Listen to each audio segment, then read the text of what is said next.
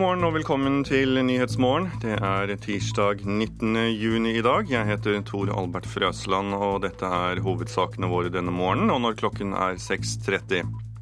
Private organisasjoner tar ansvar for å få opp svømmeferdighetene til norske barn. Det liker ikke Svømmeforbundet. Det offentlige har neglisjert den, den, kompetansen. Det er egentlig en tragedie. For dette er jo den eneste, eh, eneste faget på skolen som man faktisk kan dø av og ikke kunne. Det sa president i Norges svømmeforbund Per Rune Eknes. Elever bør velge hvilke lærere som skal ansettes, og ikke omvendt. Det mener Barneombudet. Og et redningshelikopter til Andenes vil slå to fluer i én smekk. Det mener leder av akuttberedskapen på UNN, Mats Gilbert. Ja, Private organisasjoner tar ansvaret for å få opp svømmeferdighetene til norske barn. Bare halvparten av tiåringene i landet greier å svømme 200 meter, og dette er under halvparten av kravet i Kunnskapsløftet. Dette har Norges svømmeforbund og Gjensidigestiftelsen forsøkt å gjøre noe med. De får i år 9000 barn fra 6 til 10 år til å kjenne seg trygge i vannet. Da er vi på vannet, og så lærer vi mye å svømme og dykke under vann. Juliane går siste året i Fjellund barnehage. Hun er blant de som får delta i Symjeaksjonen 2012. 15 små barn står og tripper ved bassengkanten på Holmlia bad og ser spent utover vannet. Målet er å lære viktig teori og å bli vant til å være i vann gjennom leik og moro. Så lager vi en stor kjele med hendene våre. Først er dere klare? En, to og tre. I fem år har Gjensidigestiftinga sponsa Noregs Symjeforbund, slik de kan lære opp barn fra seks til ti år over hele landet. Hittil i år har over 9000 barn lært å være trygge i vannet. Kunnskapsløftet slår fast at alle barn skal være symjedyktige etter fjerde årstrinn.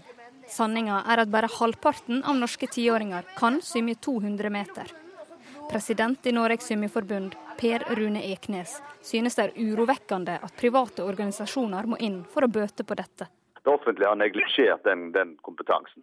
De, de, bryr seg ikke om det. De har, har ikke sett at dette er, er, viktig. Det er masse andre ting som er viktigere. Og, da, og da er det veldig rart. For i alle andre land vi kan sammenligne oss med, spesielt i Vest-Europa, så er dette en helt naturlig del av både skole og, og samfunnet ellers, at dette blir prioritert. Det er jo den eneste Eh, eneste faget på skolen som man faktisk kan dø av og ikke kunne. Han har ikke rett i at det er neglisjert. Eh, det er veldig klare krav i læreplanene om eh, kunnskaper når det gjelder svømming. Det sier kunnskapsminister Kristin Halvorsen. Hun legger ansvaret på kommunene. Elever på fjerde trinn skal være trygge i vannet og ha gode svømmeferdigheter. Og det betyr at de må legge til rette for at de skal lære det. Men hva sier det om det offentlige når det private er nødt til å ta litt ansvar? Nei, det Eh, kan være et viktig supplement. Men det skal ikke overta skolens ansvar for at eh, barn og unge skal lære å svømme godt. Tilbake i bassenget er barna snart ferdige med dag tre av fem av det private svømmetilbudet. Og hopp ordentlig langt ut. Det klarer du. Du kan ta tak i den armen når du hopper. Kjempebra! Og det var reporter Katrine Nybø som hadde tatt seg en tur i bassenget. Ivar Kristiansen, god morgen og velkommen. Du er kommunikasjonsrådgiver i Norsk Folkehjelp. Hva kan det bety å få en slik svømmeopplæring i tidlig alder? Du, det kan bety veldig mye. Eh, det er jo sånn at eh, barn eh, lærer veldig tidlig. Og det å få denne svømmeundervisningen inn på et så tidlig tidspunkt, det betyr jo at de, de, faktisk kommer inn i skolen med et meget godt grunnlag. Så dette er jo veldig positivt for uh, svømmeundervisningen i skolen. Men man burde også kanskje uh, revurdere uh, om man skulle ha dette kravet i utgangen av fjerde klasse, eller om man faktisk skulle ha det før. Ja, hvorfor det?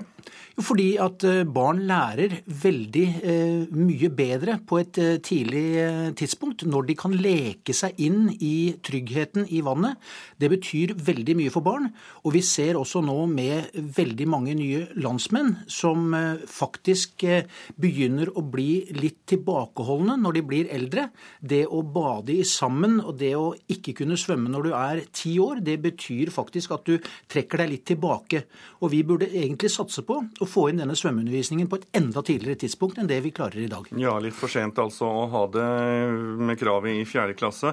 Men i tillegg så mangler da altså skolene tilstrekkelig svømmeopplæring. Hvilke problemer skaper det, slik du ser det? Det, det, vi har understreket hele tiden, det er jo mangel på steder hvor man kan lære å svømme. Det er jo en stor mangel på eh, svømmehaller i Norge. Eh, det ble gjort et løft fra regjeringens side som eh, da ble pulverisert utover i, i, kommunene. Og vi står vel i dag med like mange eh, tomme basseng som vi gjorde eh, da dette løftet ble eh, skissert opp. Og bare halvparten av norske tiåringer klarer altså i dag å svømme unnskyld, mer enn 200 meter. Eh, hva tenker du at skolene bør gjøre når det da har gått så langt at private organisasjoner griper inn? Altså, Jeg syns jo dette er eh, veldig forstemmende. At skolen ikke klarer å gjennomføre det de har satt seg fore i planer. Og eh, det var jo slik, eh, når jeg gikk på skolen i hvert fall, så kunne man ikke svømme. Når man gikk inn i fjerde klasse, så ble det virkelig løfta opp, sånn at man var sikre på at man kunne svømme når man gikk ut av fjerde klasse. Dette er vel pga. økonomiske tilstander neglisjert. Det er ingen tvil om at Svømmeforbundet har rett i at dette er et fag som, som blir neglisjert i skolen. Vi står foran både badesesong og feriesesong, båtliv etc. Hva frykter du for drukningsstatistikken med slike tall? Jeg syns det er viktig i denne sammenhengen å si at uh, vi bruker vannet mer. Vi har mange flere fritidsbåter. Vi har 750 000 fritidsbåter i, i landet. Og vi har altså, eh, bank i bordet, færre drukningsulykker enn vi noen gang har hatt. Og barn ligger veldig lavt på denne statistikken. Det viser at uh, foreldre er flinke flinke til å ta vare på barn. Men det betyr også nå at barn begynner å ta vare på sine foreldre. Så jeg er veldig, veldig eh, optimistisk når det gjelder drukningsstatistikken. Men det betyr ikke at man ikke skal kunne lære å svømme. Ja, Hvordan helt kort til slutt skal vi få statistikken ned, da? Til tross for optimismen din? Vi får den ned. Eh, vi har jo selvfølgelig en nullvisjon, men når vi til i år har hatt 15 drukninger, så er det eh, selvfølgelig forferdelig for de 15 som har drukna, men det er allikevel et lavt tall hvis vi sammenligner med tidligere. Takk skal du ha, Ivar Kristiansen, kommunikasjonsrådgiver i Norsk Folkehjelp. Elever de bør velge hvilke lærere en skole skal ansette, og ikke omvendt. Det mener avtroppende barneombud Reidar Gjerman. Han mener et godt samspill mellom elever og lærere er helt avgjørende for å skape et godt læringsmiljø. Elevene burde ha eh, noe å si når lærere og andre ansatte ved skolen skal tilsettes. Rett og slett fordi at relasjonen mellom de voksne og elevene det er så veldig utslagsgivende for hvordan undervisningen blir. Avtroppende barneombud Reidar Gjermann foreslår dermed at elevene selv skal være delaktige i å hjelpe rektor med å ta en avgjørende beslutning ved ansettelse av en ny lærer. På den måten mener Gjermann at rektor kan danne seg et bilde av hvordan denne læreren fungerer i samspill med barna. I møte mellom elevene og kandidaten, så vil jo også da rektor kunne sitte i et hjørne og følge med på hvordan samspillet er mellom elevene og kandidatene, og dermed få et bedre blikk på hva det er som foregår når denne læreren er sammen med barn. Men mottagelsen av Gjermans forslag er varierende blant ungdommene. Tiendeklasseelevene Mari Bø Trøsterød og Binamin Mohammed ved Presterød ungdomsskole utenfor Tønsberg har vidt forskjellige meninger om det er en god idé at elevene er innblandet i ansettelse av fremtidige lærere. Det er jo vi som skal lære denne læreren. Det er jo denne læreren som står for utdanningen vi skal få resten av livet vårt. Det er jo noe påvirkning for oss, det er jo ikke noe påvirkning for de lærerne som skal velge for oss. De er bare ansatte. Det er vi som skal ha dem seks timer om dagen, fem dager i uka. Så jeg syns det hadde vært veldig lurt. At det blir veldig useriøst. At nok eh, de som ansetter for lærerne vet mer enn det vi gjør. da. Hvis for elevene skal velge, så blir det nok mer at eh, de velger kanskje de lærerne tror jeg er slackest og som lar dem gjøre mest mulig. da. Jeg stoler på at rektoren gjør jobben sin og velger de beste lærerne som man kan få. da. Reporter var Linn Løkken. Det kan bli streik blant heismontørene fra i dag. 59 heismontører tas ut i streik hvis ikke meklingen fører frem. Det har vært meklet på overtid siden midnatt, uten enighet så langt. Meklingen gjelder NHO-foreningen Norsk Teknologi og LO-tilknyttede L- og IT-forbundet. For sju år siden endte meklingen for heismontørene i streik. Streiken varte i fem måneder, en av de lengste i norsk historie. Nettbokhandelen Amazon har begynt å selge det som kalles den første selvbiografien om Anders Behring Breivik. Boken er forfattet av en skribent som gjemmer seg bak pseudonymet Christian Messenger, skriver Aftenposten. Boken, Anders Breivik, His Life and Mission, starter med et større intervju med Breivik, som ser ut til å inneholde hans manifest. Breiviks forsvarer Geir Lippestad avviser at Breivik har hatt noe med boken å gjøre.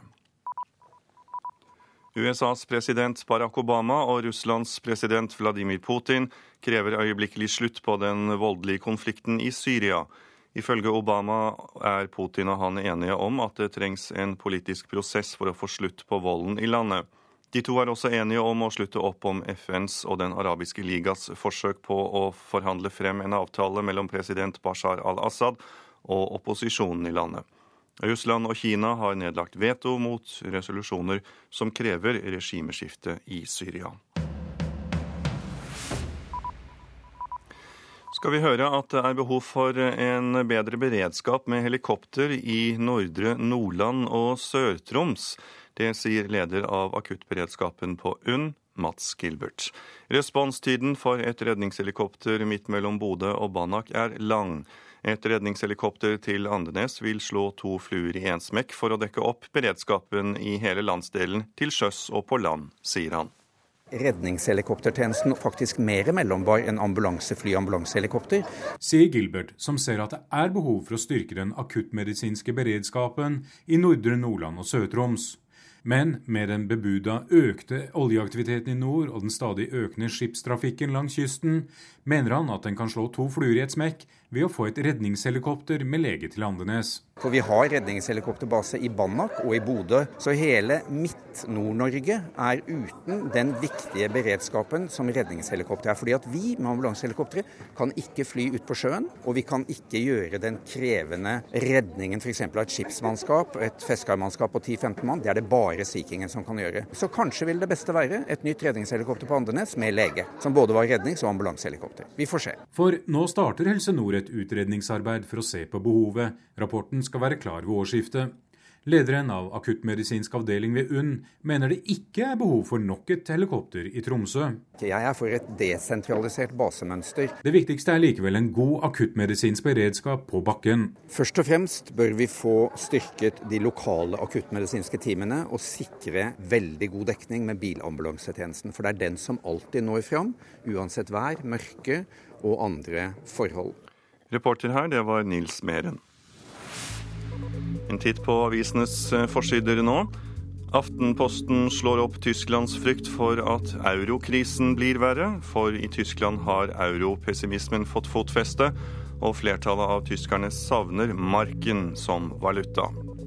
Dagsavisen hevder at Super-Marit skal redde de rød-grønne. Avisen mener at Marit Arnstad skal løfte Senterpartiet opp fra sperregrensen. Og Klassekampen hevder at Marit Arnstad er Senterpartiets nye trumfkort. Partiet har tro på at hun kan snu motgang til medgang. Nasjonen hevder at det er harde kamper i vente for Senterpartiets nye statsråder.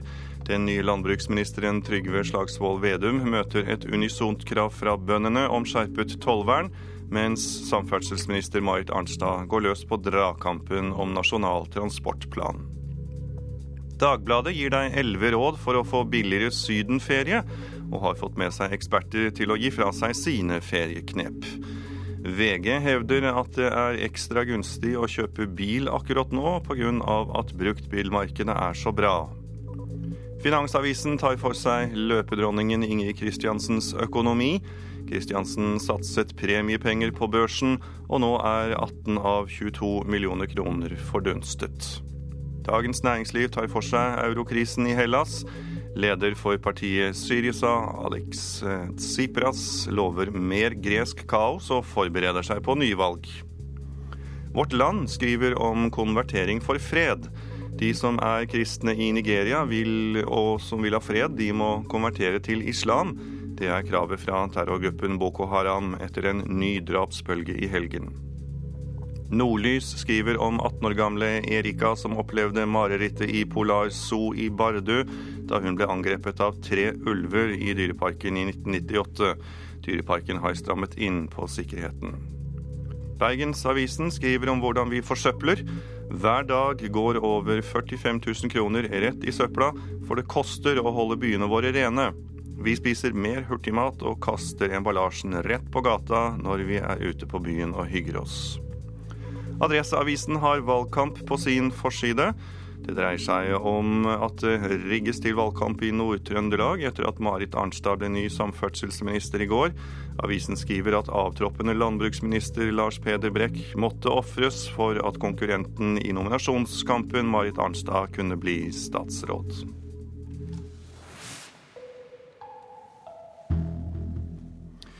Sport nå. I kveld skal Sverige spille sin siste EM-kamp i dette mesterskapet. De er allerede utslått og møter Frankrike. Skuffelsen er stor i Sverige, og i denne kampen må de spille uten en skadet Johan Elmander. Ingen vanskelig avgjørelse, sier landslagssjefen Erik Hamren. Läget är som det är med att det inte är någon avgörande match för oss så, så är det ett lätt beslut för mig som förbundskapten att, att säga att, att för hans skull och individens skull så, så är det bra att han inte spelar den. Och jag också tycker det är bra respekt gentemot hans klubb Galatasaray som har under hela, hela säga, upplägget här inför, inför EM har varit fantastiskt eh, i samarbete med oss också. Så att, eh, nej, han spelar inte. Elmander har gjennom hele turneringa vært et usikkert kort for svenskene pga. en skade i foten. Stjernespillerens eh, tyrkiske klubb Galatasaray har henvendt seg til den svenske fotballedelsen med bønn om at han må få stå over. En annen svenske som sliter med skade, er Rasmus Elm. Det blir bestemt senere i dag om han kan spille. Kampen er av stor betydning for Frankrike. Seier betyr mest sannsynlig at de vinner gruppen og slipper å møte Spania i kvartfinalen. Svenskene har skuffet stort. Det mener kommentator for Sveriges største avis, Ekspressen, Mats Olsson. Man vaggas inn i noen sorts, ja men det her er bra, det her er jättebra, de har kul og det er god stemning'. Og, og så sitter man der og, og drabbas av en virkelighet som heter Andrij Sjevtsjenko, som er betydelig bedre. Han er ikke slut som vi trodde, han er betydelig bedre enn noen av våre spillere i den matchen. Ukraina-matchen var bedrövlig tycker jag. Vad var problemet da, tror du? Det var nog lite för många spelare som inte riktigt visste vad det innebar. De spelar för stora, stor publik i sina hemmalag ute i Europa men det är en jäkla stor skillnad att komma till ett mästerskap inför 60-70 000 på en sån här jättefin arena som Olympiastadion är i Kiev har varit. Reporter her det var Pål Thomassen, og Sverige-Frankrike hører du klokken 20.45 på P1.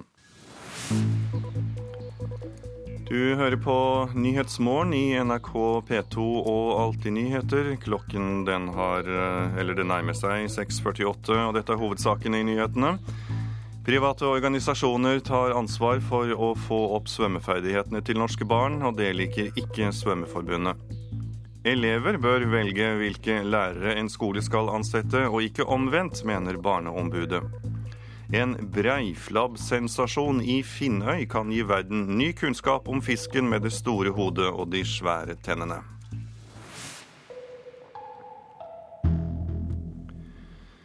Da skal vi høre at det kan bli vanskelig å finne et midlertidig sted å bo for de om lag 60 personene som er berørt av brannen i boligblokken på Kattem. Det tror utleiemegleren, og dette er i Trondheim. Leiemarkedet er allerede presset, og snart kommer studentene. Martin Alstad er en av dem som nå står uten et sted å bo.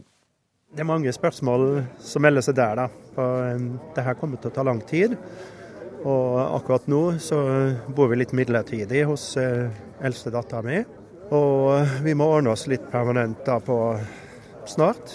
Rundt 60 personer står uten bolig etter brannen på Kattem i helga, der flere leiligheter ble totalskadd. Men det kan bli vanskelig å finne et midlertidig sted å bo i et allerede hardt pressa boligmarked.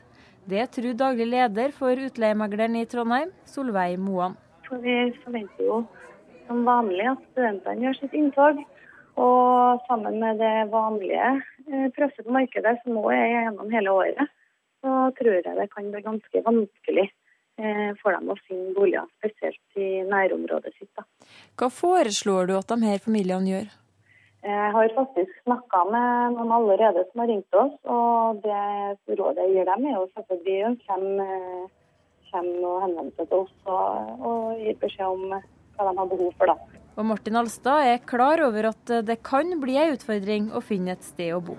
Og da hadde jo foretrukket en ny leilighet, og det er kanskje ikke så lett å gå ut på leiemarkedet samtidig med alle andre nå. Så det, jeg tror det kommer til å bli litt vanskelig. Reporter var Karin Jektvik. Kultur nå. Kunstfag forsømmes i den norske skolen, og nå som sommerferien nærmer seg, kan vi se konsekvensene av det. Manglende kunnskap om kunst blant lærerne gir dårlig kvalitet på elevenes forestillinger på sommeravslutningene. Det mener pedagoger, som får støtte fra en ny rapport om kunst og kultur i norske skoler. Det er rett før skuespillet skal starte. Barnehender fikler nervøst med manuskripter, kongekroner og kostymer. Foreldrene sitter på klappstoler i hagen i Oslo med smarttelefonene klare til å forevige årets sommeravslutning.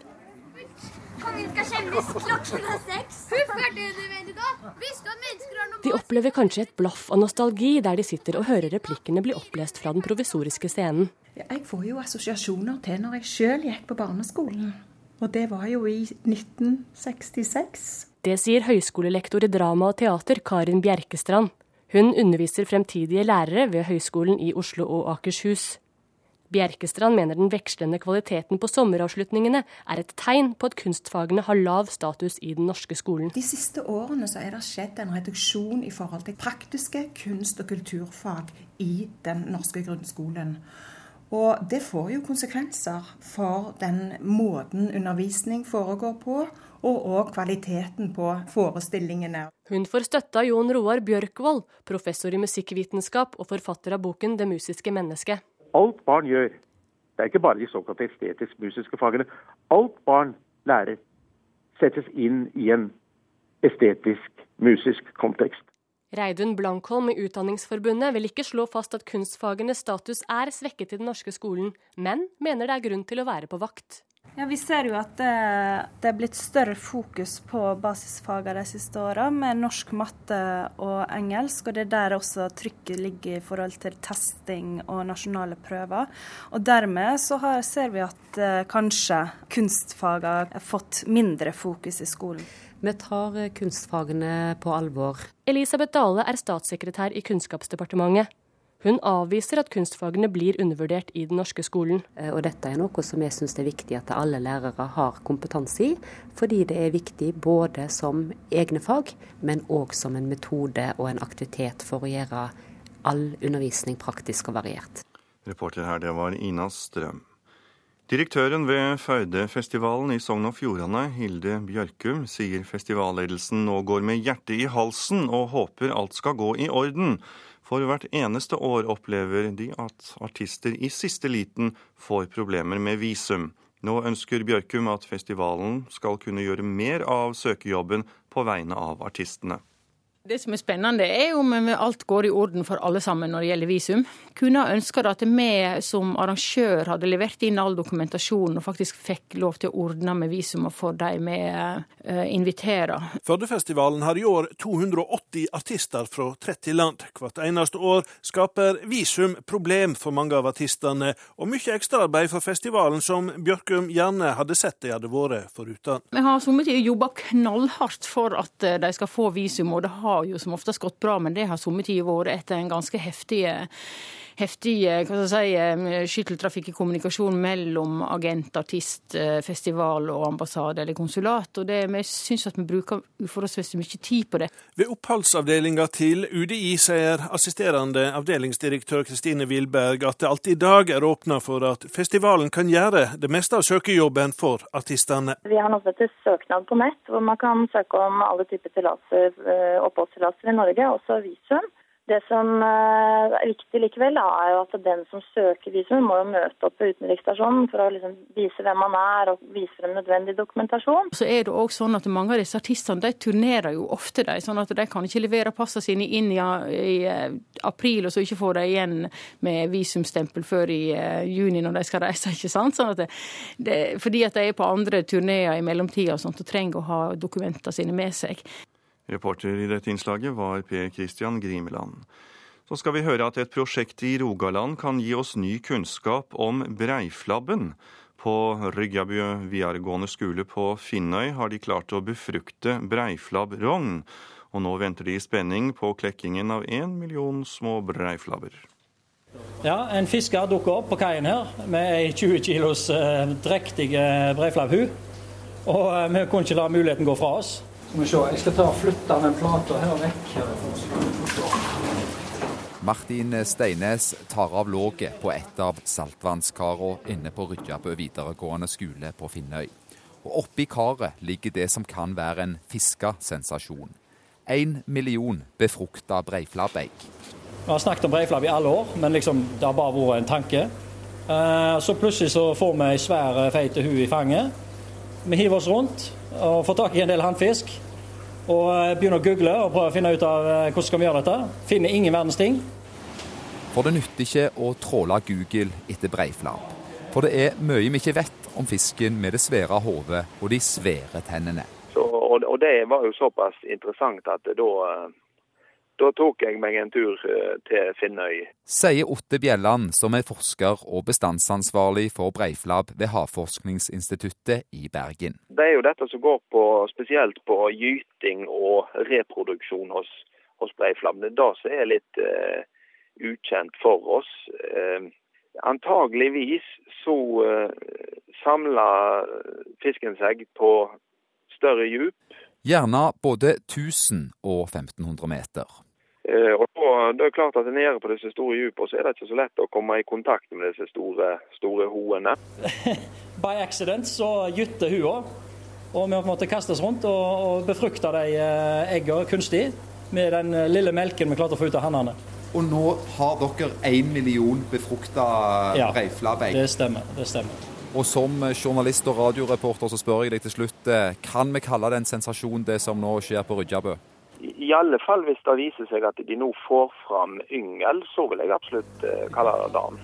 Havforskeren håper å lære av det som nå skjer på Rydjabø, men eh, ser at andre gjerne kan eh, se for seg at det går an å tjene penger på oppdrett av breiflabb.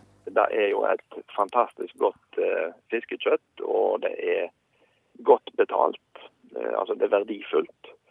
Og sannsynligvis, i alle fall så tyder ting på det, så vokser breiflabben relativt fort. Ja, følger du dette svangerskapet nærmest eh, minutt for minutt nå? Døgn for døgn. Døgn for døgn. ja. Men ja. uh, akkurat nå så er ting så usikkert at eh, hvis vi får én yngel, så er det kanskje en sensasjon i seg sjøl.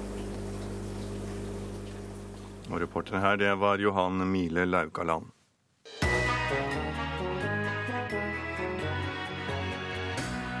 Hvilket krydder er hovedstaden i Oman?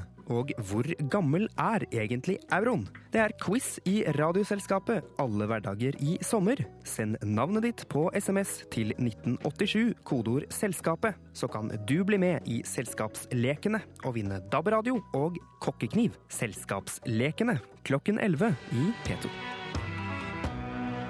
Og så skal du få høre hvordan været blir i dag, og varselet gjelder frem til midnatt. Fjellet i Sør-Norge, enkelte regnbyger helt i nord, ellers mye pent vær. Østland og Telemark i ettermiddag forbigående sørvestlig liten kuling på kysten og pent vær. Agder i ettermiddag forbigående sørvestlig til dels stiv kuling på kysten øst for Oksøy, pent vær. Rogaland stort sett pent vær, i kveld tilskyende enkelte regnbyger. Hordaland oppholdsvær og perioder med sol, fra i formiddag enkelte regnbyger. Sogn og Fjordane ved Stad periodevis sørvest liten kuling, i kveld minkende, skiftende skydekke og enkelte regnbyger. Møre og Romsdal regn. Fra i ettermiddag liten kuling på kysten, skiftende skydekke og enkelte regnbyger. Trøndelag får regn, lokalt store nedbørsmengder. I kveld sørvest opp i liten kuling på kysten og enkelte regnbyger. Helgeland, Saltfjellet og Salten Litt regn, vesentlig på Helgeland. Ofoten, Lofoten og Vesterålen oppholdsvær og perioder med sol. Troms får litt regn i Nord-Troms, ellers oppholdsvær og litt sol. Kyst- og fjordstrøkene i Finnmark får litt regn, en del lave tåkeskyer på kysten i øst. Finnmarksvidda får regn. Nordensjøland på Spitsbergen får sørøstlig liten kuling utsatte steder og litt regn.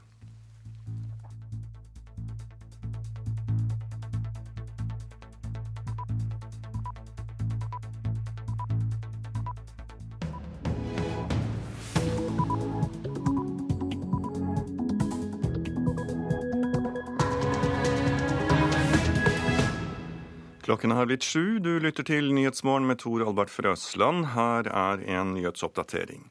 Samferdselsminister Marit Arnstad er en naturlig lederkandidat til å ta over Senterpartiet den dagen Liv Signe Navarsete går av. Det mener flere av fylkeslederne i partiet, deriblant Bjarne Undheim i Rogaland.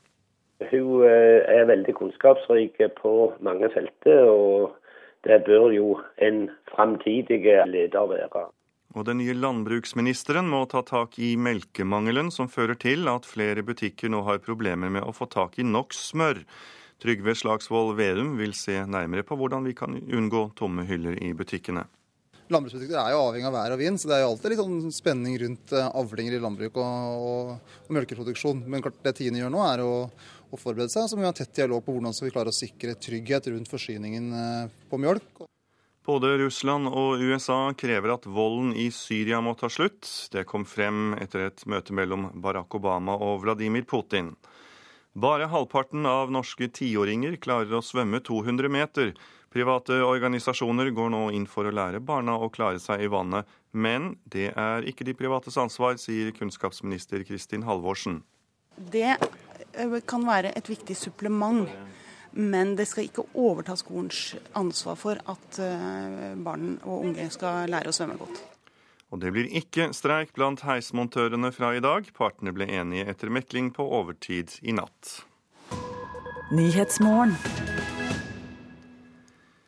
Et flertall av fylkeslederne i Senterpartiet mener Marit Arnstad er en naturlig lederkandidat den dagen Liv Signe Navarsete går av.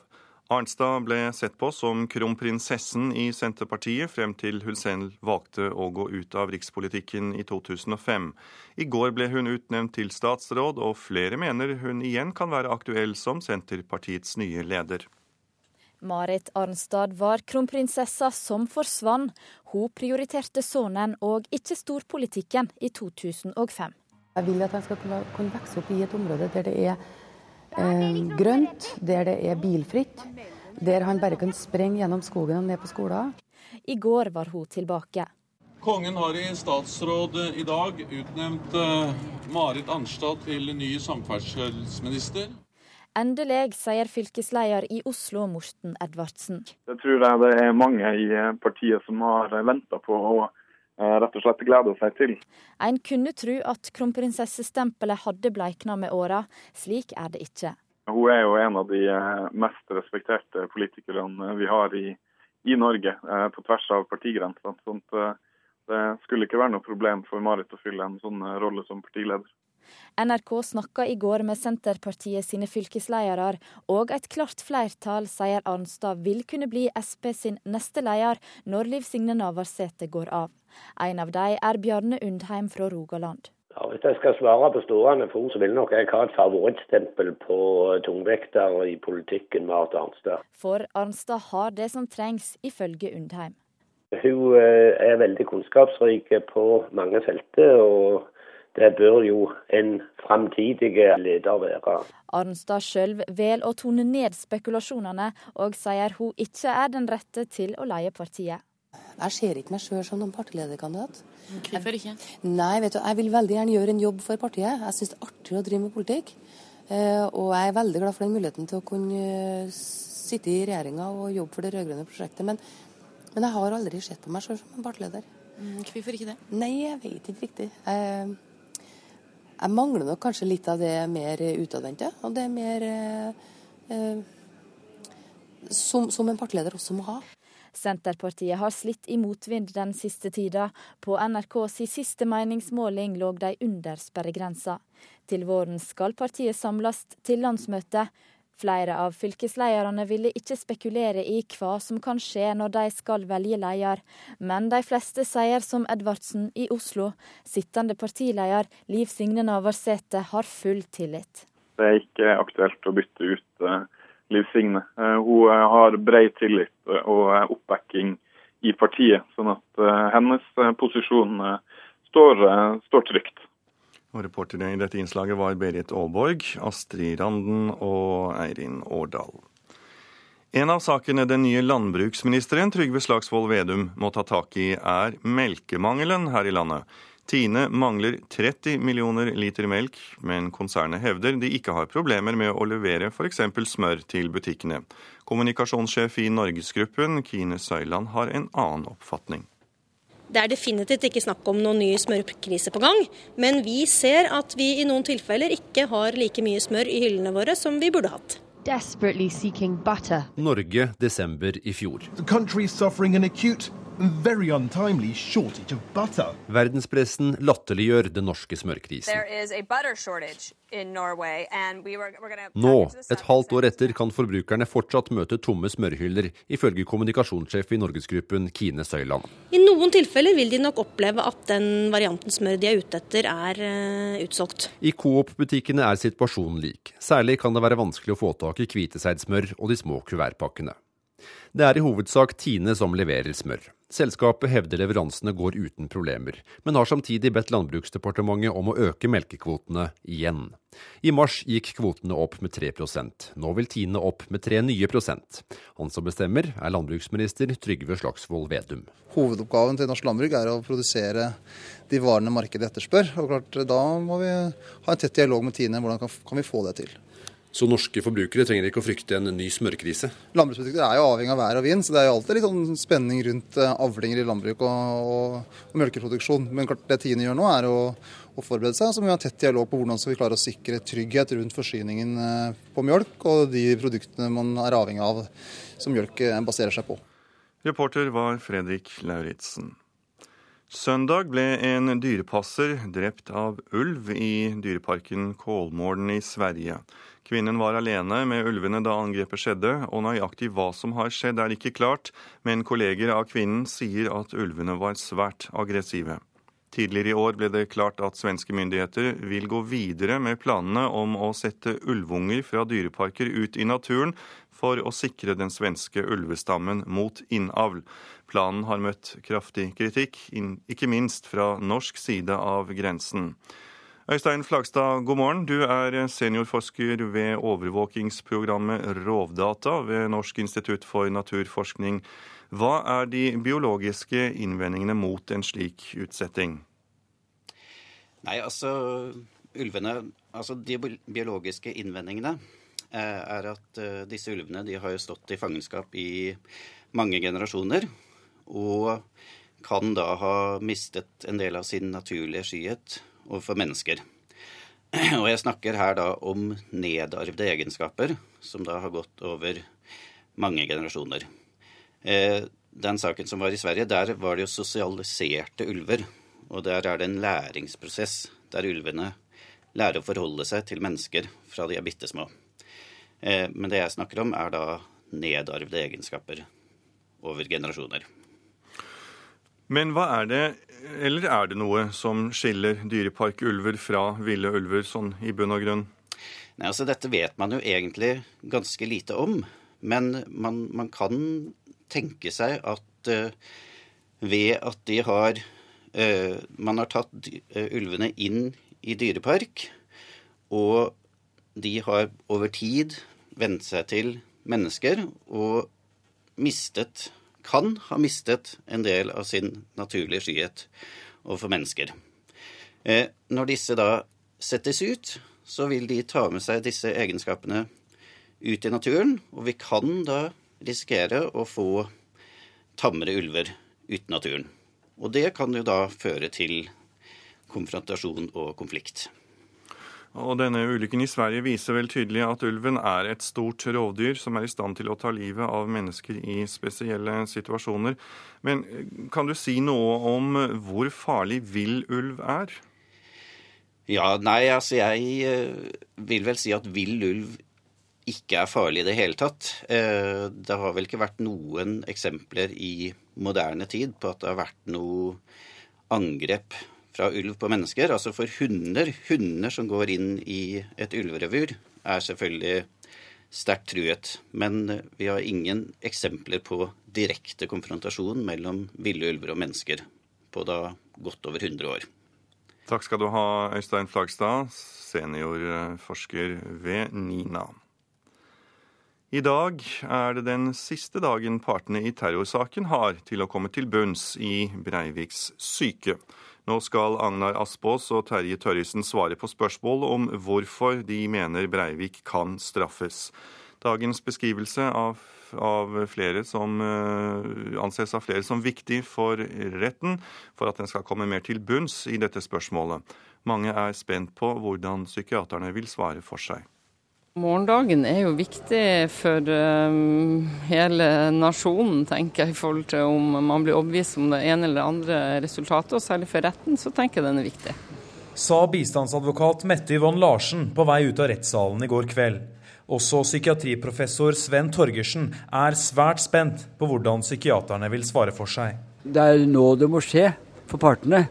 Så Derfor så kommer det til å spisse seg i morgen og antakeligvis bli høy temperatur og veldig mye blir avgjort. Breiviks forsvarer Vibeke Hein Bæra vil vite mer om hvordan psykiaterne har tolket utsagnene til Breivik. Det er jo først og fremst eh, vektingen av eh, de ulike utsagnene som har vært der, og så må vi få utdypet mer hvordan de har satt Nights Knights Templar inn i denne konteksten. Aktor Inga Beyer-Eng vil komme til bunns i hvordan Breiviks psykiske utvikling over tid har vært. Det vi må få finne ut av, er om, han, om det har skjedd en endring av personligheten hans på et eller annet tidspunkt, eller om det er et vedvarende mønster han har vist gjennom hele sitt ungdom og voksenliv. Psykiaterne selv var ordknappe på vei ut av retten i går, men Agnar Aspås sa dette til NRK. Vi har hørt hva de andre har fått spørsmål om. Jeg har vel en anelse om hvor det kommer. Det tar vi i morgen. Reportere her, det var Haldor Asvald og Ellen Omland. Og nå skal det handle om eurokrisen. Et nytt kraftig rentehopp for spansk statsgjeld tyder på at spanjolene trenger enda en redningspakke. Mange trodde at markedene ville puste litt lettere ut etter et relativt positivt valgutfall i Hellas, men det skjedde altså ikke. Fokuset det snudde seg mot Spania. Ida Wolden Bakke, du er seniorøkonom i Handelsbanken. Velkommen skal du være. Hvorfor ble ikke dette så positivt for Spanias del? Nei, nå er eh, det positive valgresultatet Det gjorde nok sannsynligheten mindre for at eurosamarbeidet bryter sammen på, på, kort sikt. Men faren for at Hellas etter hvert vil måtte forlate euroen, eh, er ikke over. Og Samtidig så løser ikke valgresultatet de fundamentale eller grunnleggende problemene i eurosonen knyttet til den høye statsgjelden, en skjør banksektor, særlig i Spania, høy arbeidsledighet og lav vekst. Men eh, du sier de skjøre bankene i Spania. fordi De fikk jo nettopp en redningspakke. Hvorfor holdt på en måte ikke dette? Nei, Nå er det fortsatt mange detaljer rundt denne redningspakken som da skal være på opptil 100 milliarder euro som ennå ikke er klare. Så, så markedene er litt avventende til det. Uh, I tillegg så er det noen som mener at 100 milliarder euro ikke være, vil være nok. Senest i går fikk vi statistikk som viste at de dårlige eller misligholdte lånene i spanske banker steg til, uh, til de høyeste nivåene på nær 18 år. Eh, og i siste instans så er det den, greske, eh, den spanske staten som er ansvarlig for disse lånene. Eh, og en redningspakke på 100 milliarder euro vil føre til at den spanske statsgjelden stiger fra 80 til 90% av verdiskapningen i landet. Ja, Det virker som seddelpressen i eurosonen går på høygir, for det bevilges krisepakke etter krisepakke. Og hvor lenge kan de holde på med dette? Det er klart at De eksisterende krisefondene som er på plass i dag, de er ikke store nok til å kunne finansiere store nye redningspakker for Spania eller for eh, Italia.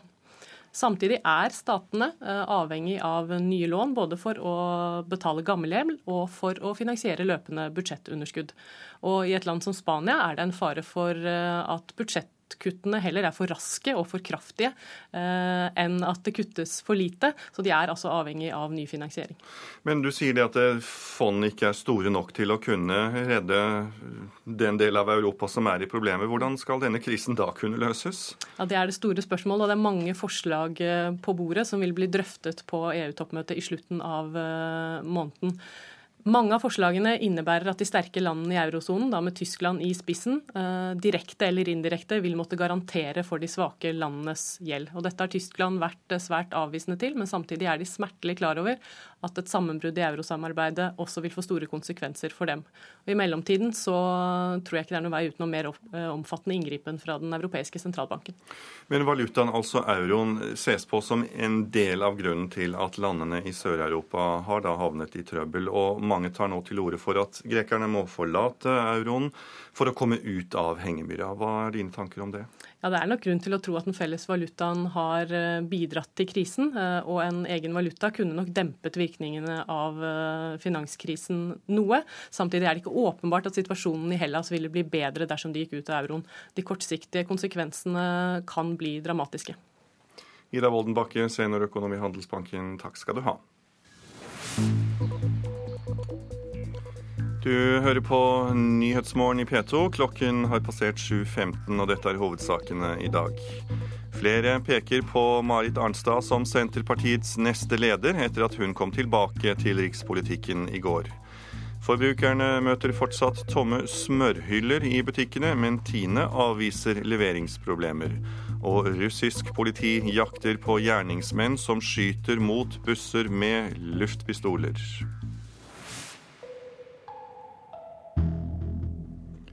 Russland og USA er ett skritt nærmere en avtale om Syria. Volden må ta slutt, krever presidentene i en felles erklæring.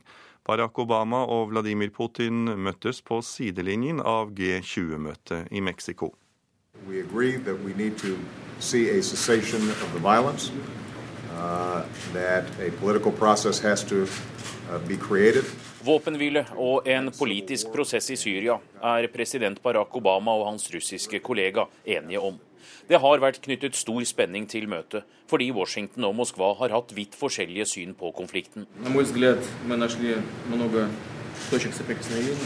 Vi har funnet flere felles punkter, sier president Vladimir Putin. Men verken han eller Obama presenterte nye løsninger eller viste tegn til enighet om strengere strafftiltak mot Syria etter det to timer lange møtet. Det er første gang siden 2009 Obama og Putin møtes. Uh, Russland og USA vil jobbe tett med internasjonale aktører, som FN og Kofi Annan, for å unngå at det blir en borgerkrig. Mens den amerikanske presidenten snakker, biter Putin seg i leppa og stirrer i bakken. De har ikke funnet tonen helt, bemerker kommentatorer. I det to timer lange møtet som ble holdt rett før åpningen av G20-toppmøtet i Mexico, diskuterte de to lederne også Iran. Uh, Ifølge Obama er Russland og USA enige om at det fortsatt er tid og plass til å løse det omstridte atomprogrammet med diplomatiske midler. Startavtalen, USAs omstridte rakettskjold i Europa, forsyningslinjer til Afghanistan, Russlands inntreden i sommer i Verdens handelsorganisasjon WTO og andre økonomiske bånd ble også tatt opp, men Syria dominerte. Ifølge rapporter skjøt regjeringsstyrkene igjen mot syriske byer i går og drepte minst 70 mennesker. I kveld skal sjefen for FN-observatørene, Robert Mood, møte i Sikkerhetsrådet her i New York for å gi status og utsikter fremover. Fredag innstilte han de 300 observatørenes arbeid pga. borgerkrigen som raser. Anders Tvegård, New York. Og fra New York skal vi til Moskva, for der jakter politiet på ukjente gjerningsmenn som skyter mot busser i byen med luftpistoler. TV-kanalen NTV melder eh, om den rene pepring av kuler mot en buss med turister fra Italia det siste døgnet. Og bussjåfører sier at ingen er sikret mot å få en kule i seg. Moskva-korrespondent Hans-Wilhelm Steinfeld, eh, hvor ble turistbussen angrepet? Den skulle plukke opp italienske turister på Hotell Metropol, som ligger 200 meter fra Balsjø-teatret, da den ble pepret uh, i, uh, i, går. Og Det betyr at denne skytekampanjen mot offentlig transport i Russland nå har beveget seg fra utkantene av byen og helt til sentrum. Og eh, som en bussjåfør sa i går, ingen er garantert nå mot å få en kule fra en luftpistol i seg. Dette lover ikke godt for turistene, for Moskva er vel midt i turistsesongen nå? Definitivt. Dette er en svær turistby, og eh, her rammes både turistbusser og vanlige bybusser. Så eh, det som nå skjer, er at politiet har samlet all etterforskning på et titalls tilfeller av slike skyteepisoder mot busser. Og du kan jo ta det for gitt også at det russiske sikkerhetspolitiet, FSB, er inne i bildet når en sånn skyting pågår i flere dager midt i turistsesongen, og nå også nær Kreml. Ja, for Dette er vel ikke noe enkelttilfelle. og Hva sier eh, politiet om det finnes noe mønster her eller ikke? Det begynte med skyting rundt store ringvei i utkanten av Moskva. Og så har disse gjerningsmennene gradvis spredd seg, men nærmere sentrum. Om det er én eller flere grupper, vet ikke politiet. Men hva gjør politiet? Ja, De har altså samlet ressursene, og nå går eh, fremtredende kriminologer ut og mener dette er pøbelstreker. At dette er én eller flere grupper av unge psykopater. Det er harde ord, naturligvis. Her er mange fattige ungdommer som nå ikke har stort å ta seg til foran ferien. Og dette kan være også en såkalt copycat-aksjon. Fordi for tre år siden ble et sekstitalls busser beskutt på samme måte i byen Kazan, 500 km øst for Moskva. Så dette kan være en bisarr, farlig og selsom eh, sommerlek blant gategutter. For luftpistoler, kraftige sådanne, kan gud og hvermann kjøpe her i Russland. Ja, Hvordan er det med våpenbruken i Moskva? Er det mye våpen blant folk? Ja, det er nok det, og det ligner ganske mye på det bildet man har i USA. I tillegg så flommer TV-kanalene av voldsserier, krimserier. Slik at her er det mye inspirasjon for den som kjeder seg til å gå ut og leke omvendt helt. Takk skal du ha, Moskva-korrespondent Hans-Wilhelm Steinfeld. Et russisk lasteskip med kamphelikoptre er stanset på vei til Syria etter at et britisk forsikringsselskap kansellerte sin avtale med rederiet. Lasteskipet Alaed ligger nå utenfor kysten av Skottland. Om bord i skipet er et ukjent antall kamphelikoptre, som i sin tid ble solgt fra Russland til Syria, og som har vært til service i Kaliningrad. Forsikringsselskapet ble advart av britiske myndigheter om at de sto i fare for å bryte sanksjonene mot Syria dersom de forsikret skipet. Rwandas folkedomstoler, som har ført mange av rettsoppgjørene etter folkemordet i 1994, er formelt avviklet, melder BBC.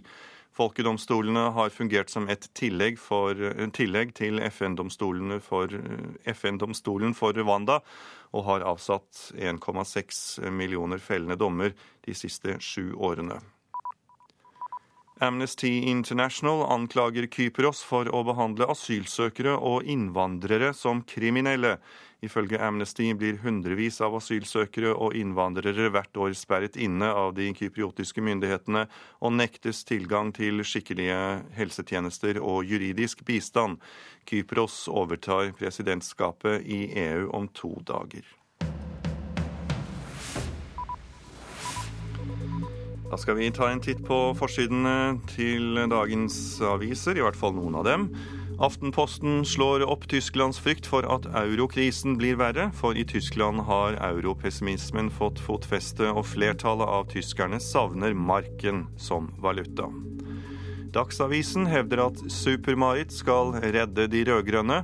Avisen mener at Marit Arnstad skal løfte Senterpartiet opp fra sperregrensen. Og Klassekampen hevder at Marit Arnstad er Senterpartiets nye trumfkort. Partiet har eh, tro på at hun kan snu motgang til medgang. Nasjonen hevder at det er harde kamper i vente for Senterpartiets nye statsråder. Den nye landbruksministeren Trygve Slagsvold Vedum møter et unisont krav fra bøndene om skjerpet tollvern, mens samferdselsminister Marit Arnstad går løs på dragkampen om Nasjonal transportplan. Dagbladet gir deg elleve råd for å få billigere sydenferie, og har fått med seg eksperter til å gi fra seg sine ferieknep. VG hevder at det er ekstra gunstig å kjøpe bil akkurat nå pga. at bruktbilmarkedet er så bra. Finansavisen tar for seg løpedronningen Ingrid Kristiansens økonomi. Kristiansen satset premiepenger på børsen, og nå er 18 av 22 millioner kroner fordunstet. Eurokrisen i Hellas, det er Dagens Næringslivs forside. For leder for partiet Syriza, Alexis Tsipras, lover mer gresk kaos og forbereder seg på nyvalg. Konvertering for fred er tema på Vårt Lands forside. Dersom de kristne i Nigeria vil ha fred, må de konvertere til islam. Det er kravet fra terrorgruppen Boko Haram etter en ny drapsbølge i helgen. Avisen Nordlys skriver om 18 år gamle Erika som opplevde marerittet i Polar Zoo i Bardu da hun ble angrepet av tre ulver i Dyreparken i 1998. Dyreparken har strammet inn på sikkerheten. Stavanger Aftenblad skriver om arbeiderpolitikeren Jona Andersen, som stemte mot sitt eget parti, og dermed ble det spritskjenking til klokken tre. Det førte til at Andersen ble utskjelt av Arbeiderpartiet. Bergensavisen skriver om hvordan vi forsøpler. Hver dag går over 45 000 kroner rett i søpla, for det koster å holde byene våre rene. Vi spiser nemlig mer hurtigmat og kaster emballasjen rett på gata når vi er ute på byen og hygger oss.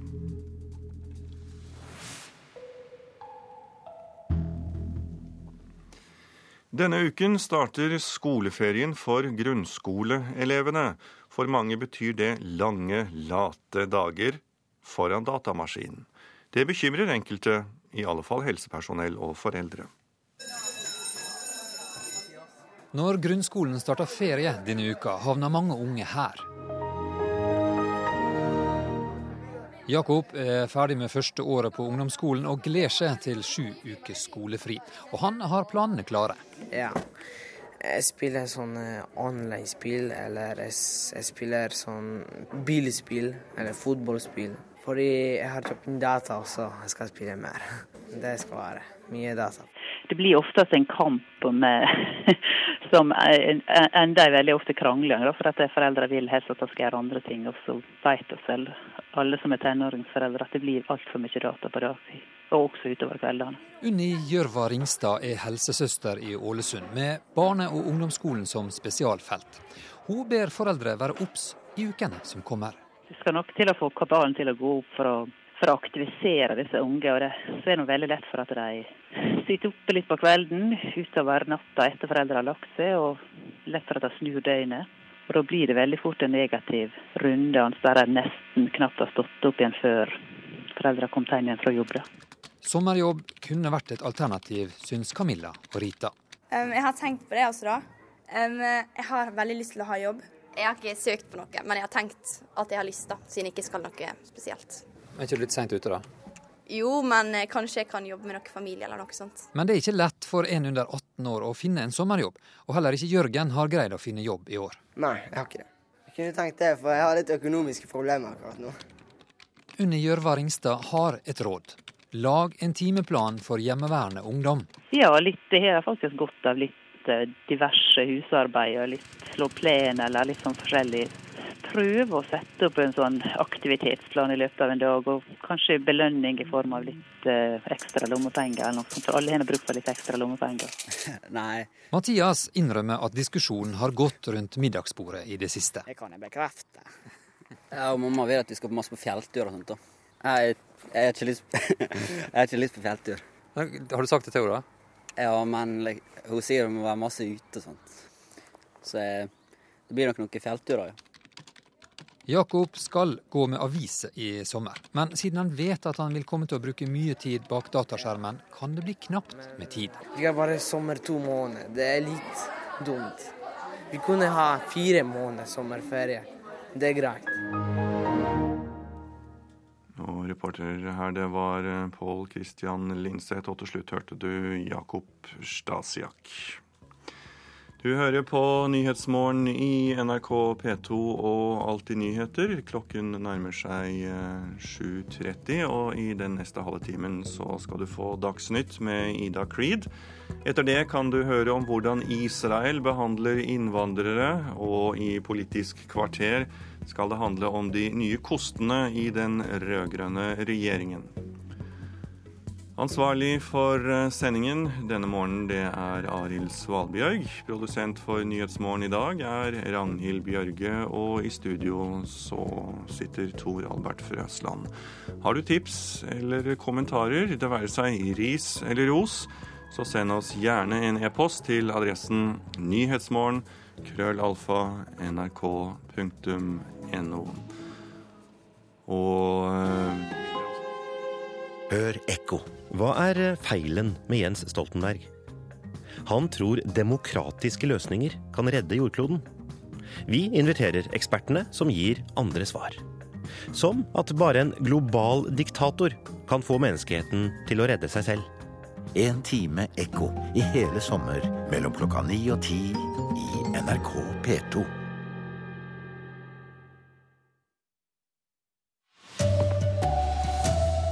Marit Arnstad er Senterpartiets nye kronprinsesse, mener fylkeslederne. Et halvt år etter smørkrisen møter forbrukerne fortsatt tomme hyller. Det er siste dag for å komme til bunns i Breiviks syke i terrorrettssaken. Her er NRK Dagsnytt klokken 7.30. Et flertall av fylkeslederne i Senterpartiet mener Marit Arnstad er en naturlig lederkandidat den dagen Liv Signe Navarsete går av. Arnstad ble sett på som kronprinsessen i Senterpartiet, frem til hun selv valgte å gå ut av rikspolitikken i 2005. I går ble hun utnevnt til statsråd, og flere mener hun igjen kan være aktuell som Senterpartiets nye leder. Altså, jeg er klar for å jobbe politisk igjen. Etter sju år vekke er hun tilbake. Arnstad blei kalla kronprinsessa, hun som skulle ta over som senterpartileder. En kunne kanskje tro bildet av ei kommende stjerne hadde bleikna med åra. Slik er det ikke. Ja, hvis jeg skal svare på stående fot, så vil nok jeg ha et favorittstempel på tungvekter i politikken, Marit Arnstad sier Bjarne Undheim, fylkesleder i Rogaland. Han er ikke den eneste. Et klart flertall av fylkeslederne i Senterpartiet sier til NRK at de mener at Arnstad vil kunne bli Sp sin neste leder når Liv Signe Navarsete går av. En av dem er Morten Edvardsen, fylkesleder i Oslo. Hun er jo en av de eh, mest respekterte politikerne vi har i, i Norge. sånt det skulle ikke være noe problem for Marit å fylle en sånn eh, rolle som partileder. Hun eh, er veldig kunnskapsrik på mange felter, og det bør jo en framtidig leder være. Framtidig altså, ikke før Navarsete går av. For selv om partiet kom under sperregrensa på sist måling gjort for NRK, har sittende leder fremdeles full tillit. Det er ikke aktuelt å bytte ut uh, Liv Signe og Arnstad sjøl, hun toner ned både forventninger og spekulasjoner. Jeg har aldri sett på meg sjøl som en partileder. Mm, hvorfor ikke det? Nei, jeg vet ikke riktig. Jeg, jeg mangler nok kanskje litt av det mer utadvendte. Reportere Astrid Randen, Berit Aalborg og Eirin Årdal. En av sakene den nye landbruksministeren Trygve Slagsvold Vedum må ta tak i, er melkemangelen her i landet. Tine mangler 30 millioner liter melk. Konsernet hevder de ikke har problemer med å levere f.eks. smør til butikkene, men kommunikasjonssjef i Norgesgruppen Kine Søyland har en helt annen oppfatning. Det er definitivt ikke snakk om noen ny smørkrise på gang, men vi ser at vi i noen tilfeller ikke har like mye smør i hyllene våre som vi burde hatt. Norge, desember i fjor. Verdenspressen latterliggjør den norske smørkrisen. Nå, et halvt år etter, kan forbrukerne fortsatt møte tomme smørhyller, ifølge kommunikasjonssjef i Norgesgruppen Kine Søyland. I noen tilfeller vil de nok oppleve at den varianten smør de er ute etter, er uh, utsolgt. I Coop-butikkene er situasjonen lik. Særlig kan det være vanskelig å få tak i hviteseidsmør og de små kuvertpakkene. Det er i hovedsak Tine som leverer smør. Selskapet hevder leveransene går uten problemer, men har samtidig bedt Landbruksdepartementet om å øke melkekvotene igjen. I mars gikk kvotene opp med 3% Nå vil Tine opp med 3 nye prosent. Han som bestemmer, er landbruksminister Trygve Slagsvold Vedum. Hovedoppgaven til norsk landbruk er å produsere de varene markedet etterspør. og klart, Da må vi ha en tett dialog med Tine. Hvordan kan vi få det til? Så norske forbrukere trenger ikke å frykte en ny smørkrise? Landbruksprodukter er jo avhengig av vær og vind, så det er jo alltid litt sånn spenning rundt eh, avlinger i landbruk og, og, og melkeproduksjon. Men klart det Tine gjør nå, er å, å forberede seg. Så må vi ha tett dialog på hvordan skal vi klare å sikre trygghet rundt forsyningen eh, på mjølk og de produktene man er avhengig av som mjølk eh, baserer seg på. Reporter Fredrik Lauritzen. Russland og USA er et skritt nærmere en avtale om Syria. Volden må ta slutt, krever presidentene i en felles erklæring. Barack Obama og Vladimir Putin møttes på sidelinjen av G20-møtet i Mexico. We agree that we need to see a cessation of the violence, uh, that a political process has to uh, be created. Våpenhvile og en politisk prosess i Syria er president Barack Obama og hans russiske kollega enige om. Det har vært knyttet stor spenning til møtet, fordi Washington og Moskva har hatt vidt forskjellige syn på konflikten. Vi har funnet flere felles punkter, sier president Vladimir Putin. Men verken han eller Obama presenterte nye løsninger eller viste tegn til enighet om strengere strafftiltak mot Syria etter det to timer lange møtet. Det er første gang siden 2009 Obama og Putin møtes.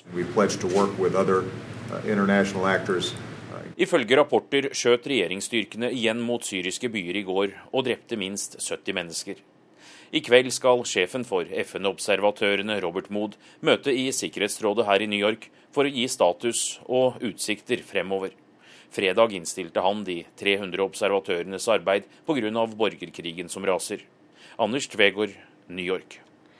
Hjem igjen. Private organisasjoner tar grep for å lære norske barn å svømme. For bare halvparten av tiåringene greier å svømme 200 meter. Det er langt under kravet i Kunnskapsløftet, som sier at alle barn skal være svømmedyktige etter 4. klasse. Det prøver Norges svømmeforbund og Gjensidigestiftelsen å gjøre noe med. Da er vi på vannet, og så lærer vi mye. Å svømme og dykke under vann. Juliane går siste året i Fjellund barnehage. Hun er blant de som får delta i Symjeaksjonen 2012. Så lager vi en stor kjele med hendene våre. Først er vi klare. En, to og tre. I fem år har Gjensidigestiftinga sponsa Noregs Symjeforbund, slik de kan lære opp barn fra seks til ti år over hele landet. Hittil i år har over 9000 barn lært å være trygge i vannet. Kunnskapsløftet slår fast at alle barn skal være symjedyktige etter fjerde årstrinn. Sanninga er at bare halvparten av norske tiåringer kan svømme 200 meter. President i Norges Svømmeforbund, Per Rune Eknes, synes det er urovekkende at private organisasjoner må inn for å bøte på dette. Det offentlige har neglisjert den, den, kompetansen. Det er egentlig en tragedie. for Dette er, en, dette er jo den eneste, eh, eneste faget på skolen som man faktisk kan dø av og ikke kunne. Men kunnskapsminister Kristin Halvorsen avviser kritikken fra Eknes. Han har ikke rett i at det er neglisjert. Eh, det er veldig klare krav i læreplanene om eh, kunnskaper når det gjelder svømming. Men hva sier det om det offentlige når det private er nødt til å ta litt ansvar?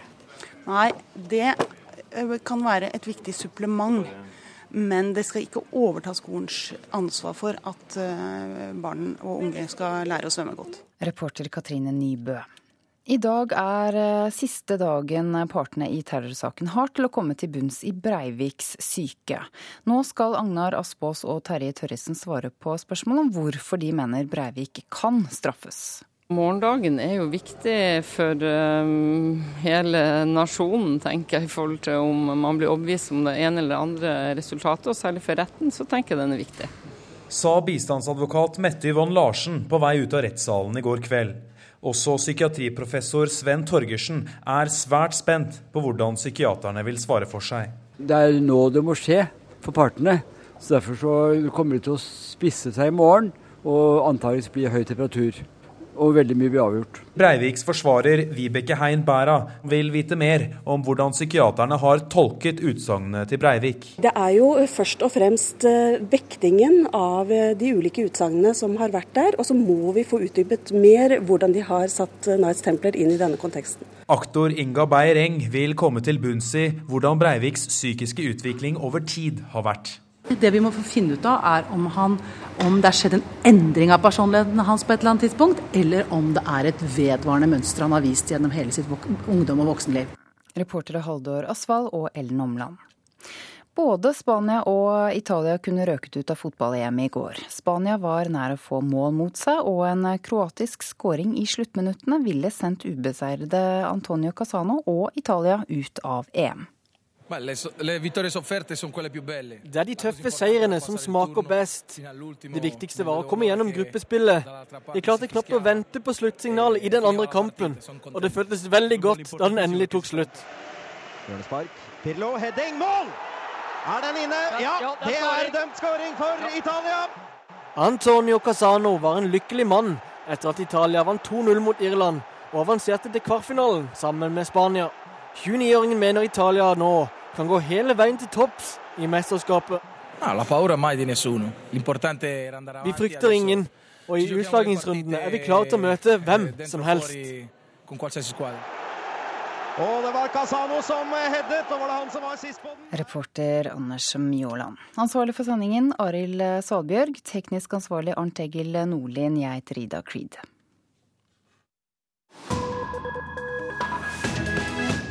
Du hører på Nyhetsmorgen i P2 og Alltid nyheter. Når klokken er 7.40, så skal vi høre at mange israelere er kritiske til måten afrikanere nå kastes ut av Israel på.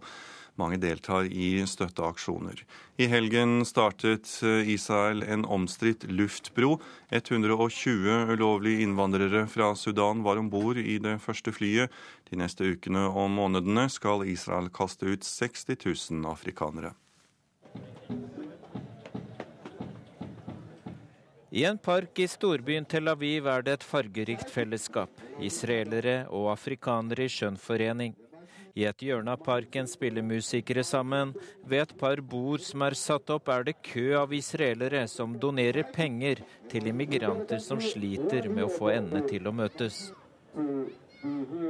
Israelere og afrikanere veksler om å komme med et budskap over megafon om den omstridte utkastelsen av afrikanske migranter. For i helgen startet myndighetene en luftbro fra Israel til afrikanske land. Den første flylasten gjaldt 120 sudanere. De ble fløyet til Juba i Sør-Sudan. Det er statsminister Benjamin Netanyahu som setter møtet ved å slå en klubbe i bordet. Han forteller om det første flyet med illegale immigranter.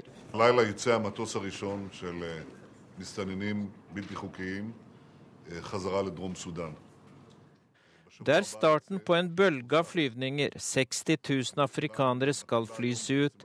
Vi skal foreta uttransporteringen på en human måte, lover statsministeren.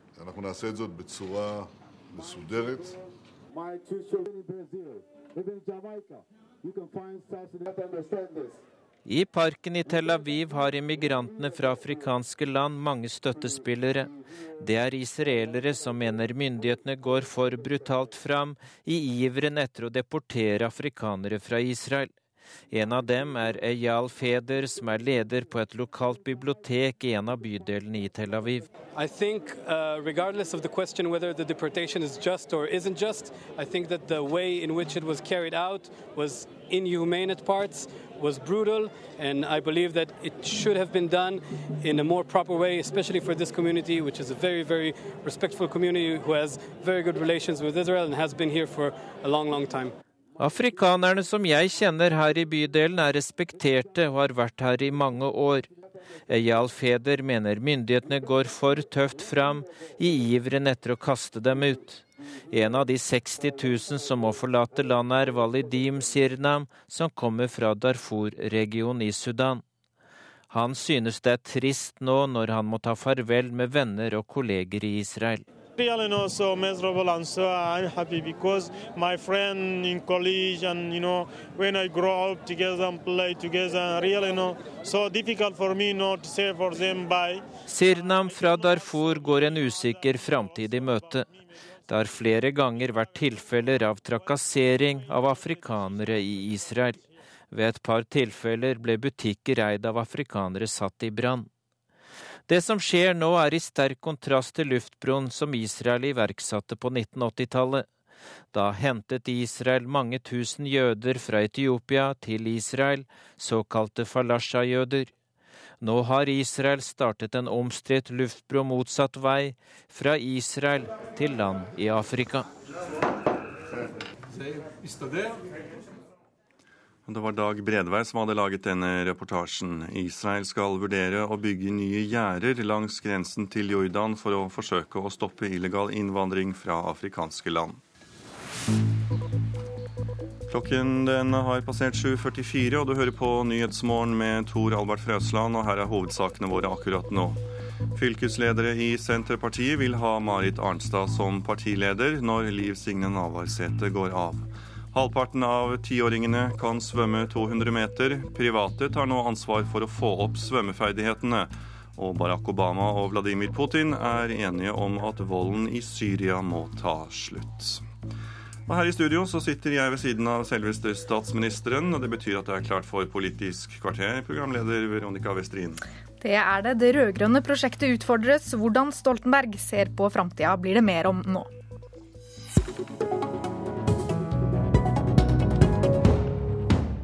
Statsminister Jens Stoltenberg har sin sommerprestekonferanse i dag. og Det skjer etter en vår hvor regjeringen har klart å legge seg ut med både bøndene og fagbevegelsen. Den har kommet på kant med sine egne. Nå sliter SV og Senterpartiet på meningsmålingene. Hvor viktig er det for deg å få dem godt over sperregrensa, Jens Stoltenberg? Det er viktig fordi vi vinner bare eh, hvis vi vinner sammen alle tre partiene. Eh, og jeg tar meningsmålinger på alvor, samtidig, for de sier noe om stemninger. Samtidig så vet vi at eh, meningsmålinger ikke er valg, og at veldig mye skjer fra nå fram til valget neste september. Ja, hvor, hvor, alvorlig ser du på det meningsmålingene viser nå for Senterpartiet og SV sin del? Det er eh, rapporter om eh, noen stemninger som vi er nødt til å snu i fellesskap fram til neste valg. Og eh, man skal eh, lytte til målinger, for de er det beste vi har av informasjon om hva velgerne mener mellom valg. Men det er valgene som avgjør, og det er det som er det avgjørende. Og enten det handler om å trygge arbeidsplassene, eh, bedriftene, i en veldig vanskelig økonomisk tid i Europa, eller handler om å eh, investere i fremtid, investere i skole, investere i forskning, eller handler om å trygge helse og omsorg, så er det tunge og viktige saker for denne regjeringen som vi skal jobbe med fram til valget, og så vise at vi fortjener fortsatt tillit. Men vil du aktivt gjøre noe for å hjelpe de to andre partiene? Ja, det vil jeg i den forstand at jeg vil eh, fortsette å lede regjeringens arbeid for å bidra til at vi sammen får gode politiske resultater og legge fram politikk for hva vi vil i neste periode. Og Det handler om noe så grunnleggende som å trygge arbeidsplassene. I Norge så tror mange at det er en selvfølge. I landet rundt oss, også land som Sverige, Danmark, Finland, så er det høy arbeidsløshet, eh, eh, store økonomiske problemer i mange europeiske land. Det er ikke noe selvfølge at det går bra i Norge. Det er en viktig oppgave for denne regjeringen. Det kommer vi til å jobbe med hver dag fram til neste valg. I tillegg så skal vi altså gjøre mer for kvalitet og innhold i skolen. Eh, bidra til at færre eh, faller ut av videregående skole. Og så må vi gjøre mer når det gjelder enda mer kvalitet eh, i helse og omsorg. Men Betyr det også at du kanskje vil gi de litt flere seire da, i framtida? F.eks. blidgjøre bøndene og gi den seieren til Senterpartiet? Jeg har aldri likt det begrepet seire, for da er det noen som får nederlag. Og i en regjering så er jeg opptatt av at vi alle skal komme fram til gode ting eh, sammen. Jeg er opptatt av god utvikling i landbruket. Vi har bidratt til at vi har hatt den største og beste inntektsveksten som noen gang er registrert. Jeg aksepterer at man ønsker enda mer. Ja, Bøndene har jo ikke vært fornøyd. Eh, Nei, det, jeg har registrert det, og eh, det får jo være en spore til at vi forsøker å komme fram til enighet med bøndene neste år. Men jeg tror landbruket selv, og det er det også et uttrykk for, ser at eh, i forhold til alternativet så har de nå en regjering som har gjort i svært store løft. 75 vekst i inntekter. Når vi har korrigert for, tatt hensyn til økte kostnader, er eh, enestående. Og så skjønner jeg at det er ønske om enda mer. Men hva er den største utfordringa som regjeringa står overfor, sånn du ser det? Det er å fortsatt sikre at Norge er det landet i Europa som greier seg best gjennom finanskrisen. Det er ingen annen oppgave som kommer til å kreve så mye av oss. Og det som er farlig, er at noen tror at det kommer til å gå bra i Norge uansett eh, fordi vi har oljepenger, at oljepengene redder oss.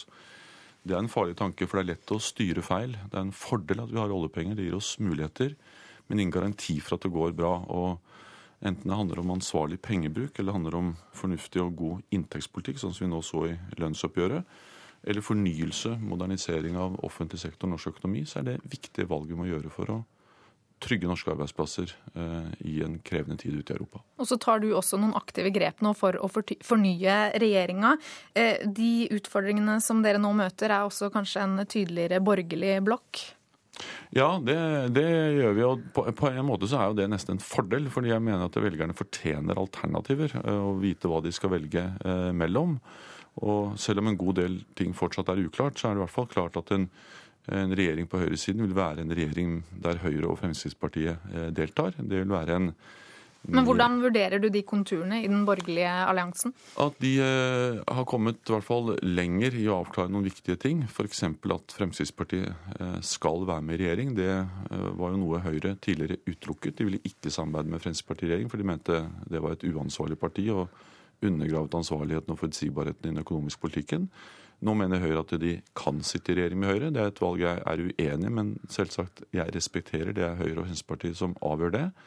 Eh, da får vi klarere alternativer, både i forhold til eh, å trygge økonomien. Det blir eh, mer usikkert hva slags økonomisk politikk alternativet står for når man sier ja til å ha med Fremskrittspartiet i regjering, og i forhold til mer tradisjonelle motsetninger mellom høyre og venstre i norsk politikk. og det, står, det, blir tydelig for velgerne. Nå står de jo veldig samla, og, og, og, det er kanskje ikke så lett for deg å hamre løs på en så samla blokk. Gjør det noe med retorikken? Det er alltid fordeler og ulemper med ulike alternativer. Eh, tidligere har det vært mer kaos. Eh, nå er det eh, noen avklaringer som er på plass. At eh, Fremskrittspartiet og Høyre skal sitte i regjering eh, sammen. Og at en regjering på høyresiden kommer til å bestå av Fremskrittspartiet og Høyre i en eller annen versjon. Eh, jeg mener at det også har noen klare fordeler for oss, fordi det blir tydeligere hva som er alternativet. Og så mener jeg det gjenstår en veldig grunnleggende avklaring, nemlig at de har ikke avklart hva som er fundamentet for den økonomiske politikken når det gjelder ansvarlig eh, pengebruk. Og det er en usikkerhet som da skapes for norsk økonomi, for norske bedrifter, for norske arbeidsplasser. Og det er en usikkerhet vi ikke trenger, og som vil være der så lenge Høyre og Fremskrittspartiet ikke greier å avklare hovedelementet, grunnmuren i den økonomiske politikken. Nå er ikke de her til å svare for seg, så vi skal over på disse statsrådskiftene. Vi så i går SV har allerede vært gjennom en fornyelse, og i går sto Senterpartiet for tur. Hva betyr de to utnevnelsene for deg? Det betyr at regjeringen får to nye statsråder som eh, bringer eh, engasjement, energi, eh, kraft inn i regjeringen. Og det er flott, for det er to spennende og viktige mennesker vi får inn. Det er to mennesker jeg har kjent i mange år, og som jeg gleder meg veldig til å jobbe sammen med, enten det er på landbruk eller det er på samferdsel. Vil det komme flere skifter fram mot neste valg? Det er den type spørsmål jeg aldri svarer på, fordi eh, det kommer når det kommer, og hvis det kommer, så det får vi eventuelt komme tilbake til. Men eh, mange tar nå til orde for at det er behov også for Arbeiderpartiet å skifte ut eh, statsråder. Utelukker du det? Jeg spekulerer ikke i det, fordi jeg ønsker å ha den friheten til å gjøre det jeg vil, når jeg vil. Men det avgjørende er jo politikk, ikke personer. Og det avgjørende er at vi lykkes med politikken. Enten det er å uh, gi flere mennesker god behandling ved norske sykehus, eller er å bygge ut eldreomsorgen, eller er å trygge norsk økonomi. Det er uh, politikkens innhold som i lengden er det avgjørende. Men allikevel så velger du ut å skifte statsråder nå, både i SV og Senterpartiet? Ja, I en regjering så er det naturlig med eh, noen mellomrom eh, nå og da å gjøre skifter av statsråder. og Det har denne regjeringen eh, gjort, og det mener jeg er riktig, fordi vi sitter over år. og Da er det også naturlig noen ganger å skifte mannskap. Marit Arnstad blir nå av flere pekt ut som en mulig lederskikkelse for Senterpartiet. Hvordan vil du beskrive henne?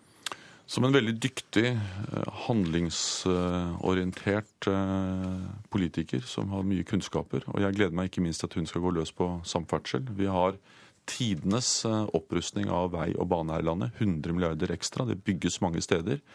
Jeg reiste mye rundt med Magne Meter Kleppa, men jeg ser veldig fram til å reise sammen med Marit Arnstad. Se på veiprosjekter, se på jernbaneprosjekter, og så diskutere hvordan kan vi bygge landet enda mer når det gjelder vei og bane sammen med Marit Arnstad. Takk til deg, statsminister Jens Stoltenberg.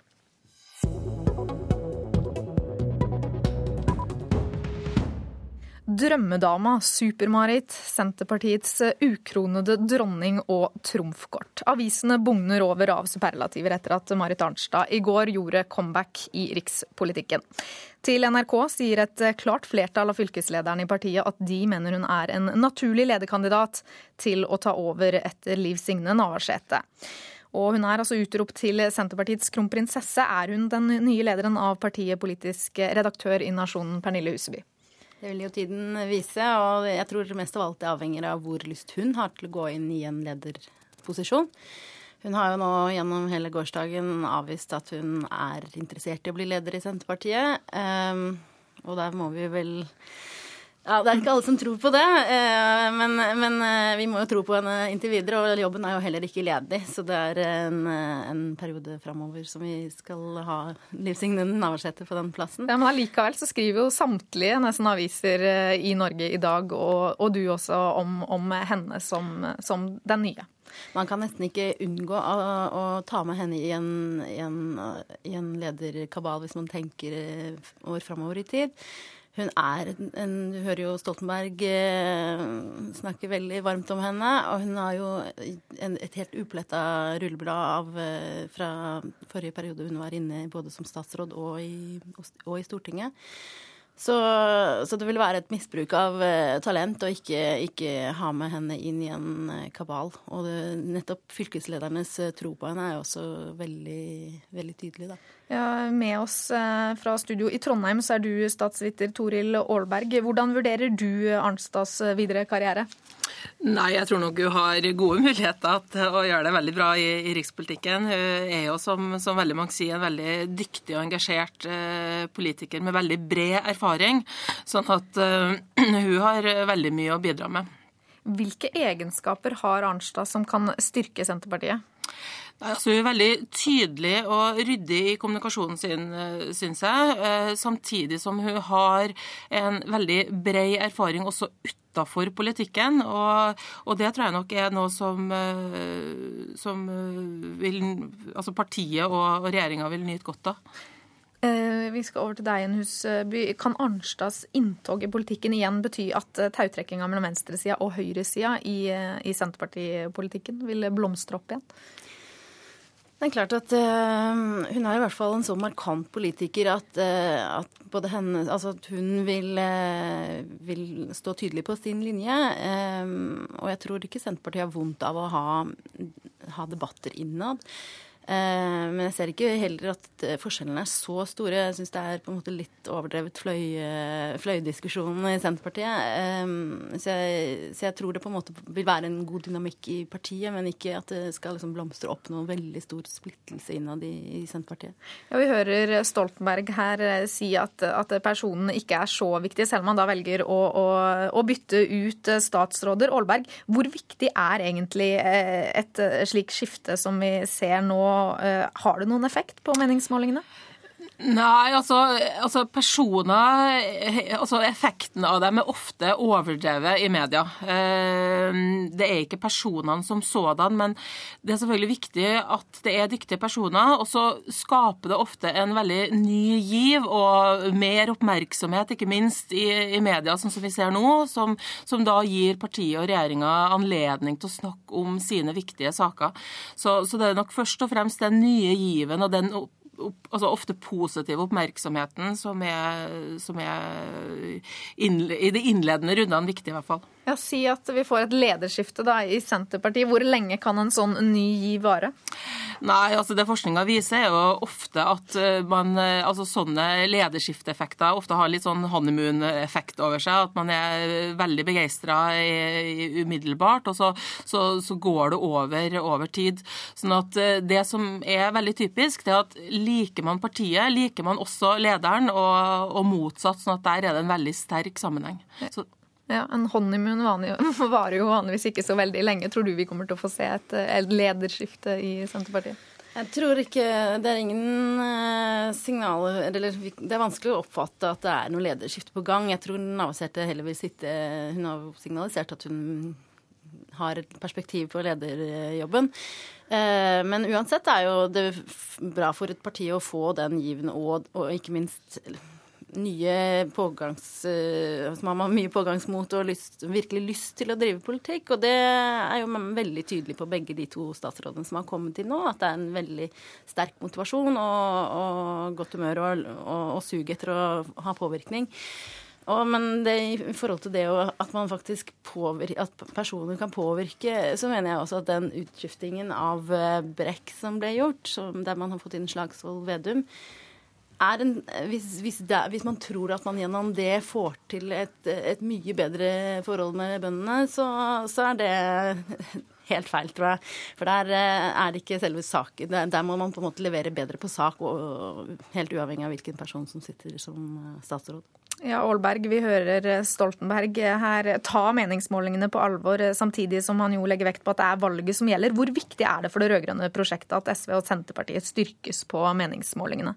Nei, det er jo klart at For det rød-grønne prosjektet så er det helt avgjørende. Altså Med de dagens målinger, om det skal vært valgresultatet, så, så hadde jo ikke det rød-grønne prosjektet fått fortsatt etter neste, neste, valg. Sånn at eh, For dagens regjering så er det åpenbart viktig at eh, SV og Senterpartiet gjør et bedre valg enn det, det liggende akkurat nå. da. Takk eh, til dere Pernille Huseby og Toril Aalberg. Med det er Politisk kvarter over.